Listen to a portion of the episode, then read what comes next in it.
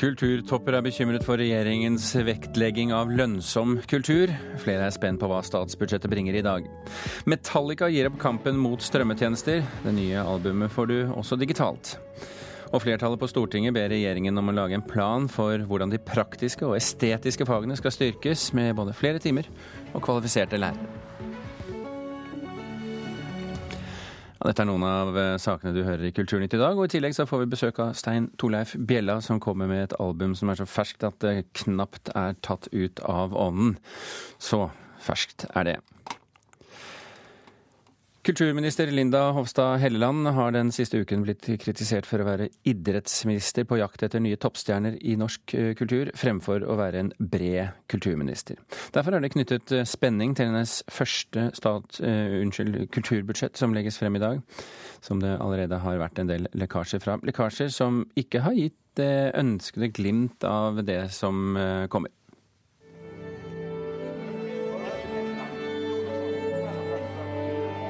Vi forventer at vi får eh, de tilskuddene til driften som vi har søkt om. Og så har vi i tillegg søkt om litt ekstra penger til et prosjekt rundt digitalisering. Så hvis vi får det, så er vi veldig heldige. I denne salen spilles det for å holde hjulene i gang, ikke sette nye prosjekter til livs. Det sier direktør for Stavanger symfoniorkester Morten Warland, som drømmer om å få mer penger enn de har søkt om i dagens statsbudsjett. For eventuelle videre kutt er de ikke tjent med fortsetter kuttene fremover, så, så, kan vi få situasjoner som en har sett i Danmark, hvor eh, ja, symfoniorkester legges ned, stabene på musikere reduseres ganske drastisk, og det er jo ikke noe vi ønsker her.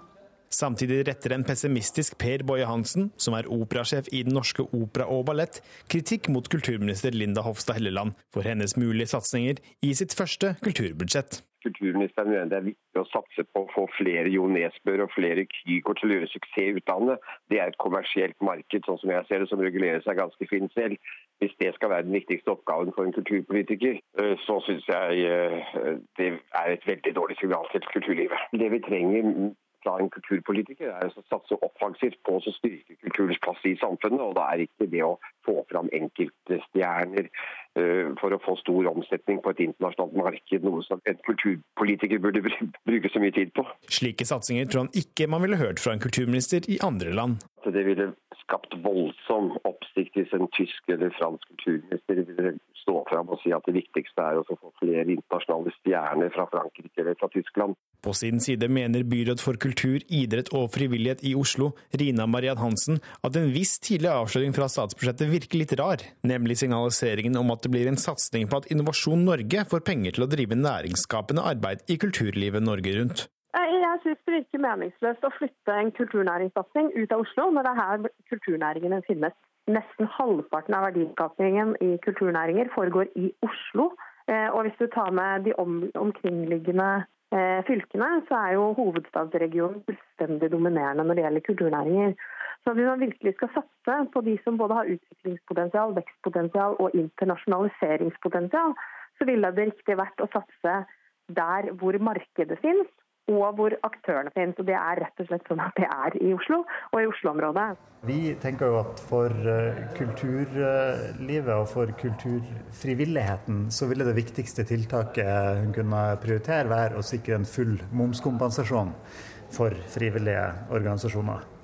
Eh, I dag så er det sånn at hvis et kor eller et korps eh, betaler 100 kroner i moms til staten, så får de bare 78 kroner tilbake i kompensasjon. Og i år så regner vi med at den andelen vil bli enda lavere. Det sier Stian Skotterød Johnsen. Han er generalsekretær i Frivillighet Norge, og tar forbehold om at han ikke har sett statsbudsjettet ennå, men Det lokale kulturlivet i Norge det lever ikke uten, uh, uten de frivillige organisasjonene. Og uh, det er viktig at regjeringa satser på full momskompensasjon for frivillighet for å styrke grunnmuren i kulturlivet i Norge. Skal man tolke ut ifra lekkasjene, så kunne man jo tro at uh, Linda Helleland har blitt næringsminister og ikke kulturminister. Reportere her var Nikolai Volsdal og Anette Johansen Espeland. Kulturkommentator her i NRK Agnes Moxnes. Eh, kulturministeren, er hun eh, blitt næringsminister? Ja, i går ble hun jo definert som idrettsminister, og i dag som næringsminister. Men det er et eller annet her som, jeg, som gjør at jeg forstår at kulturlivet er litt eh, urolig for. fordi at de signalene som har kommet fra kulturminister Linda Hofstad Helleland siden hun ble kulturminister, har jo i veldig stor grad handlet om å gjøre verden til et marked for norsk kulturindustri. Altså gjøre Norge Gjøre kultur til en, til en innbringende vare for Norge, sånn som de får til i Danmark og Sverige, og vi misunner dem jo veldig det. Og det er vel og bra at hun, hun satser sånn, men hvis regjeringen virkelig mener dette her, da syns jeg at det også bør synes i dagens budsjett fra næringsminister Monica Mæland. Men de som har stått opp tidlig i dag, de har jo hørt her på radioen at vi bruker rekordmye oljepenger i denne eh, utgaven av statsbudsjettet 2016. Eh, kommer det til å synes på kulturbudsjettet, tror du? Jeg tror nok at man skal være veldig velvillig innstilt hvis man konkluderer med at årets kulturbudsjett viser at regjeringen virkelig satser nytt og friskt på kultur. De lekkasjene som har kommet, og de har vært ganske mange, det viser jo at Innovasjon Norge skal satses på. De får 30 millioner kroner for å sette fart i nettopp norsk kultureksport. Og da velger altså regjeringen å satse kulturpenger på en organisasjon som ikke har drevet med kultur på veldig mange år. De gjorde det jo i gamle dager? De gjorde det i, i gamle dager, gamle, men det er såpass siden, lenge siden at, at, jeg vil si at nå mangler de kulturkompetanse. Og det kan jo være en dristig satsing. Men hvis det kommer noe økning, hvor kommer den? Eh, den, eh, det som kommer, kommer innenfor næringsutvikling. Og så fortsetter Linda Hofstad Helleland sin forgjenger Toril Vidveits satsing på unge talenter. Og det å få flere private kroner inn i kulturlivet, sånn at kulturlivet har flere bein å stå på.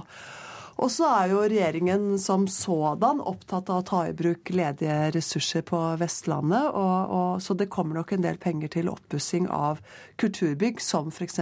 Kode i Bergen, mm. altså et museumsbygg der. Kan vi se at Helleland eh, prioriterer kultursatsingen annerledes enn sine forgjengere? Ja, jeg syns at vi ser det nå, at dette er et signalbudsjett som viser at hun mener at man bør omstille norsk kulturpolitikk ved å bruke offentlige midler for å gjøre kulturlivet mer kommersielt. kommersielt. Som blir ikke så veldig populær i den liksom, etablerte delen av kulturlivet, med andre ord? Det kan nok være, og det hører vi og hørte vi også i denne reportasjen her, at det er en, en uro nå i det profesjonelle og, og tunge norske kulturlivet. Agnes Moxnes, takk skal du ha.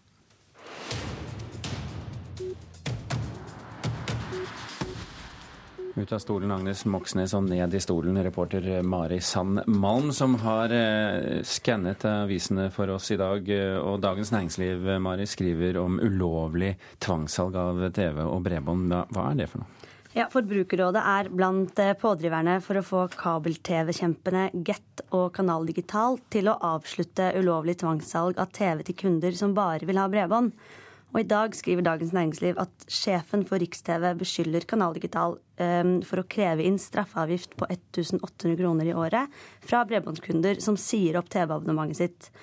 Og allerede i 2014 slo Forbrukerombudet fast at tvungen eh, koblingssalg av TV og bredbånd er ulovlig, og både Get og Kanal Digital lover å tilby TV og bredbånd som to separate produkter innen utgangen av året. De eh, har jo strømmetjenestene som eh, er i ferd med å overta eh, arbeidsplassene deres, hadde jeg nær sagt. Det kan jo være dramatisk nok, men det var da sannelig dramatisk på den nasjonale scene også i går kveld. Var det fortsatt slik at hele forestillingen måtte stoppes? Ja, En forestilling av 'Spellemann på taket' ble avbrutt da det begynte å falle glass og trebiter ned fra taket. og Det er det Bergens Tidende som skriver.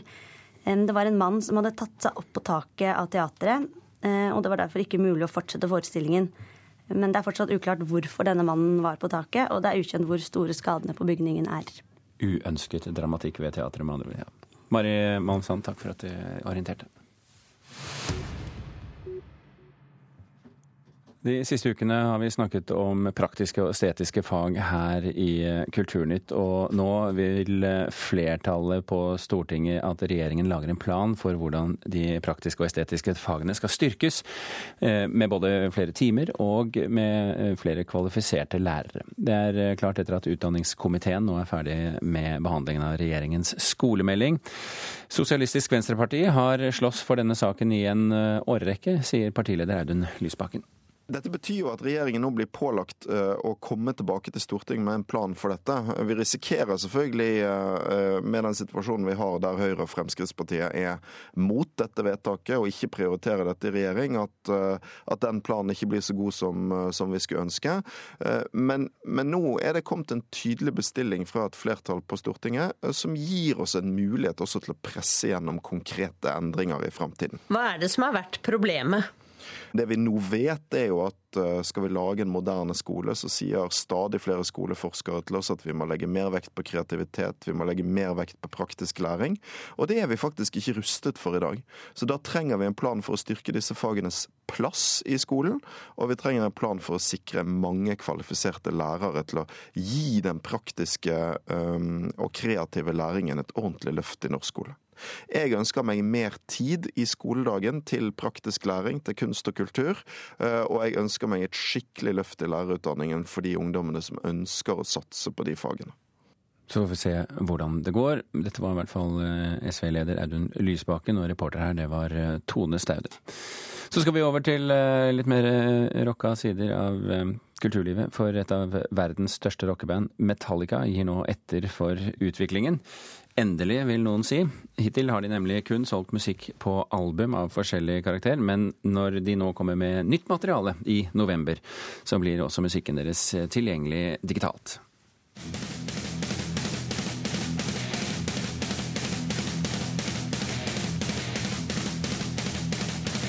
Superstjernene i Metallica har blitt beskyldt for å kjempe imot den digitale utviklingen i musikkbransjen. De har vært tilbakeholdne med å tilby musikken sin på strømmetjenester, og har også vært i store rettssaker med fildelingstjenester. Men gitarist Kirk Hammett sier til NRK at det her var en kamp de ikke kunne vinne. Well, you know, we realized that uh, that was a battle that we could not win. Sooner or later, we just had to embrace that, that whole process rather than fight it. If we were to fight it, it wouldn't be beneficial to us. It would hurt us more than, than anything. Hemmet sier at det er viktig for dem å ta over eierskapet til deres egne låter på internett, slik at det er deres versjoner som får mest trafikk. We intend on making videos for every single song off this album because that's what people do now, you know? And we want our videos for our songs to be the predominant videos on YouTube for those tracks. Hemmet misliker tanken på at andre sine versjoner av Metallica sine låter skal være det som blir lettest tilgjengelig. Rather than, you know, some kid in his bedroom with an electric guitar saying, "Hey, I, I know this new song. Check it out." And you know, he's playing our song that we have not did, done a video for. And next thing you know, that song's had two million hits. You know, I'm thinking, why does that kid who, who's playing our song on guitar Why is he getting 2 million hits? We should be on YouTube playing that song and be getting 2 million hits. Hardwire to Self-Destruct eh, heter det som blir eh, Metallicas første album på åtte år. Og reportere her var Helga Tunheim og eh, Oddvin Aune. Klokken har passert 16 minutter over åtte. Du hører på Kulturnytt, og dette er toppsakene i Nyhetsmorgen nå. Regjeringen setter ny rekord i oljepengebruk, og alle skal betale mindre skatt. Det vet vi så langt om statsbudsjettet, som i sin helhet blir offentliggjort av finansminister Siv Jensen klokken ti. Orkanen Matthew nærmer seg kysten av USA, og opp mot to millioner mennesker blir nå evakuert fra utsatte områder i Florida, Sør-Carolina og Georgia.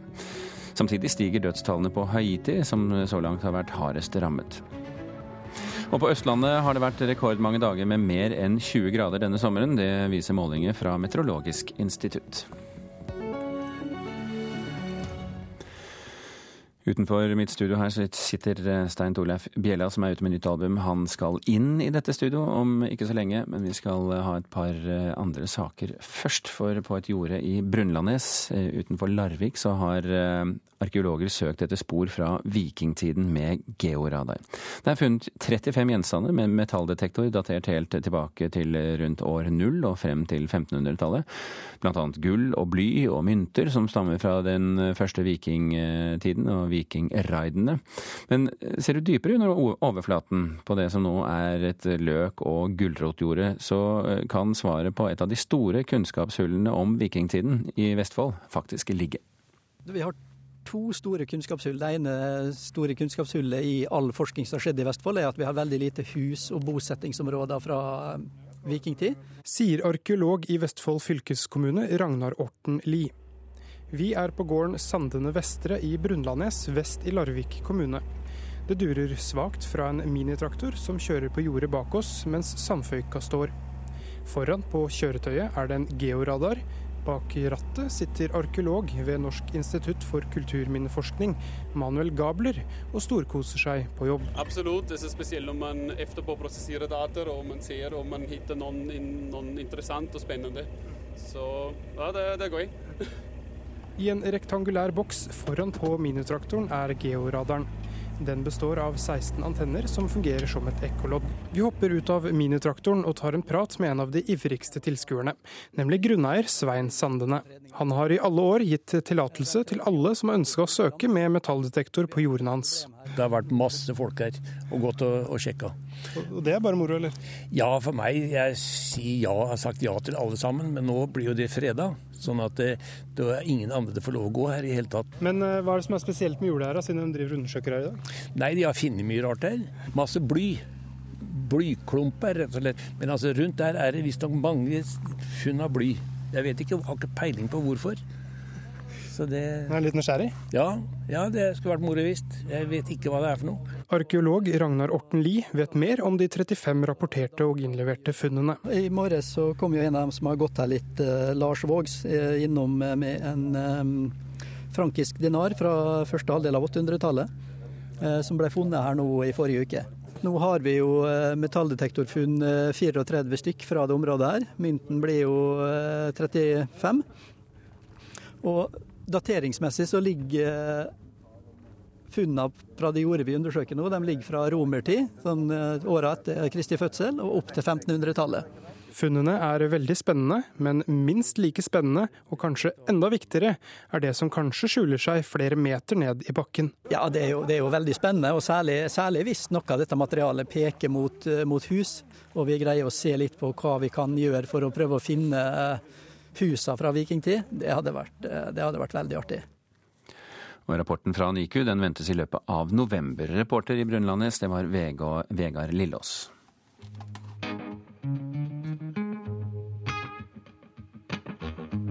Snille du, kom hit en tur.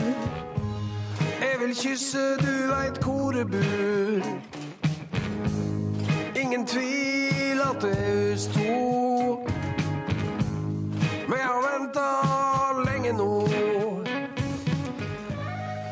Vi har venta lenge nå. Dette er eh, fra plata 'Det gode liv', som eh, slippes i dag. Vi har Stein Torleif Ja, det er i morgen, men det sto sju. Jeg får beskjed fra min eh, produsent her, og jeg tror du er enig, Stein Torleif Bjella. Er det i morgen den slippes? Ja, stemmer det. Gode liv.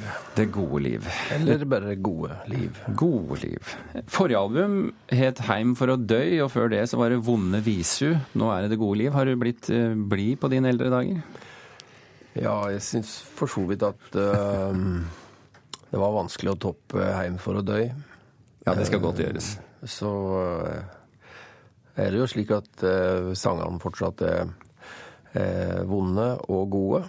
Og um, jeg mener at sjøl om det er trøblete, så er det et godt liv. Dette er første gang uten Kjartan Kristiansen fra DumDum Boys som produsent.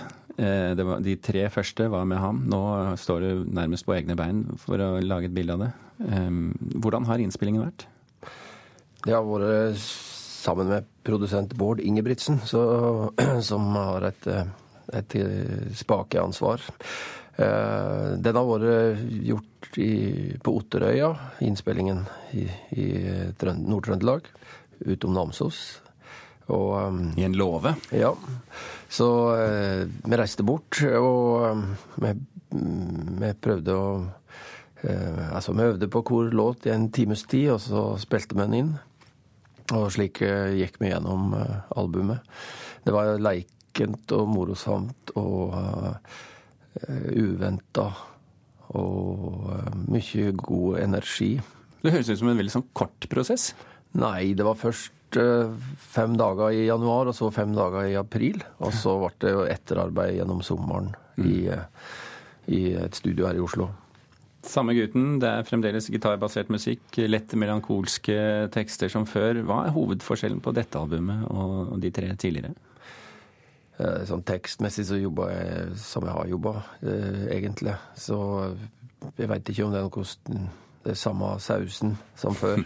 Men eh, innspillingsteknisk så har det jo vært eh, Det er jo mindre akustisk, dette albumet. Det og jo tre første soloplatene kom, kom, på fem år, da. Tre mm. album på fem år. Det var ganske hektisk. Nå har det gått tre år. Eh, så det ble jo et, et avbrudd der, da. Hva har du gjort i mellomtiden? Jeg har spilt mye. Ja. Og har bare, alt har bare gått litt seinere. Men du, har, du, holder ganske mange konserter i løpet av et år. Nå, eh, som du nevnte, går du litt bort fra det akustiske og mer inn i eh, elektriske instrumenter, for å kalle det det. Mm. Um, Kontrabassen er bytta med elbass, og det er trommis med på, på blir, blir, det mer fest på konsertene, er det jeg lurer på? Det våger jeg ikke å si noe om. Hva tror du? Nei, Det syns jo det har vært en fest hele tida. folk, eh, folk eh, hun står, står, jo og er med. Ja. Eh, vi, vi, har en låt til som vi skal spille litt av før vi gir oss, Stein Torleif Bjella. Men altså du, du, er jo blitt en veldig populær type i norsk musikkliv. Nå får du terningkast seks i Dagbladet i dag for den siste plata. Tåler du all denne suksessen? Um... Veldig godt, kanskje. ja, jeg er nødt til å tåle det. Det er jo et eventyr. Ja. Er, det, er du litt overrasket over det? Uh, det er, jeg er på en måte begynner, jeg begynner på nytt uh, nå, føler jeg. Så um, jeg er fryktelig stolt og glad for å komme i gang. Det er godt, for det, Å komme i gang det betyr jo da at du er helt i starten på både lansering og konserter. Vi har litt tid, Stein Torleif Bjella, til å spille. Vi snakket om dette med, med, med litt mer trøkk i, i, musikken. Vi har valgt ut denne låta 'Blomen', som kanskje fort kan bli en konsertopplevelse. Jeg håper det. Den, det er lagt opp til mye god instrumentering der. Stein Torleif Bjella, takk for at du kom til Kulturnytt. Her har 'Blomen'.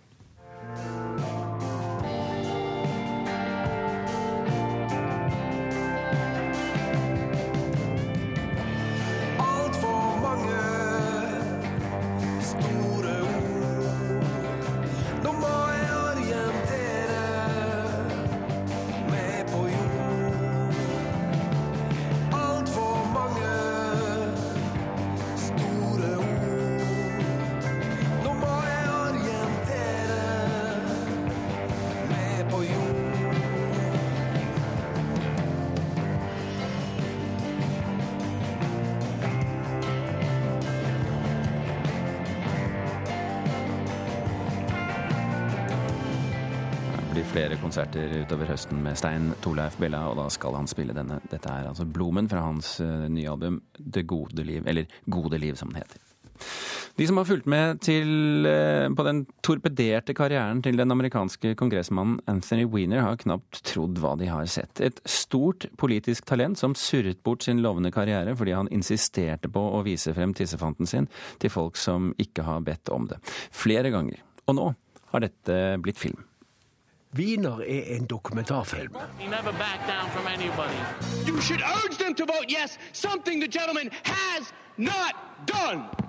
Anthony Wiener var kongressmann kjent for sitt pussige navn og for å være demokrat som sto på for den amerikanske mellomklassen. Han var mannen som lot seg høre når han snakket i enhver debatt. Ladies and gentlemen, the honorable Anthony Weiner. Deretter ble han kjent som mannen som sendte bilder av seg selv under beltestedet, med en bulende underbukse på. Først til én kvinne. Så viste det seg å være til flere. Han var mannen som hadde nettforhold, men aldri traff de kvinnene han bedro kona med. Kan det være verre? ikke i USA. At an emergency press conference, the truth came out like a like a dolphin wiggling free of a blanket. De skarpe talkshow-vertene fråtser til morsomheter. Ingen blir så respektløst behandlet i direkteintervjuer som falne politikere med buksene nede. He was a different person because he sent these penis shots under the screen name Carlos Danger. Danger. Danger. Carlos Danger. I assume Obama anbefalte ham å trekke seg fra Kongressen. Det gjorde han. Hans gravide kone tålte mer. Hun bestemte seg for ikke å gi opp ekteskapet. Hun var og er minst like anerkjent som politiker som sin mann. Hun er Hillary Clintons høyre hånd. Paret Wiener ble viet av Bill Clinton. Filmteamet, altså det som har laget dokumentarfilmen Wiener, var tidlig på plass og langt inne i kranglene og krisene. Breaking news just into our newsroom in New York City. The New York mayoral candidate Anthony Weiner sent additional explicit photos and text to a woman online. The new lewd correspondent. Anthony Wiener var borgermesterkandidat i New York. Det var hans måte å reise seg på. Men så snublet han i flere avsløringer. Kvinner som chattet med ham tidligere, tjente nå penger på å fortelle sine historier. Det er vanskelig å holde fatningen under et slikt trykk. Wiener gjør det ikke. Det er også et tema. Dokumentarfilmen observerer strømninger i den moralske majoritet. Den analyserer uten å dosere. Analysen er det mest interessante for oss. Wiener er kanskje den kandidaten til et toppverv som har syndet minst. Men han syndet feil. Fuck. Og du hørte filmanmelder Einar Gullvåg Staalesen. Kulturnytt er i ferd med å runde av. Det blir selvfølgelig mer om både kulturbudsjett og andre budsjett utover dagen. Det legges altså frem klokken um, ti i dag, og utover dagen så skal vi følge med her fra Kulturnytt. Thomas Alvarstein Ove og Birger Kolsrud Aasund takker for følget.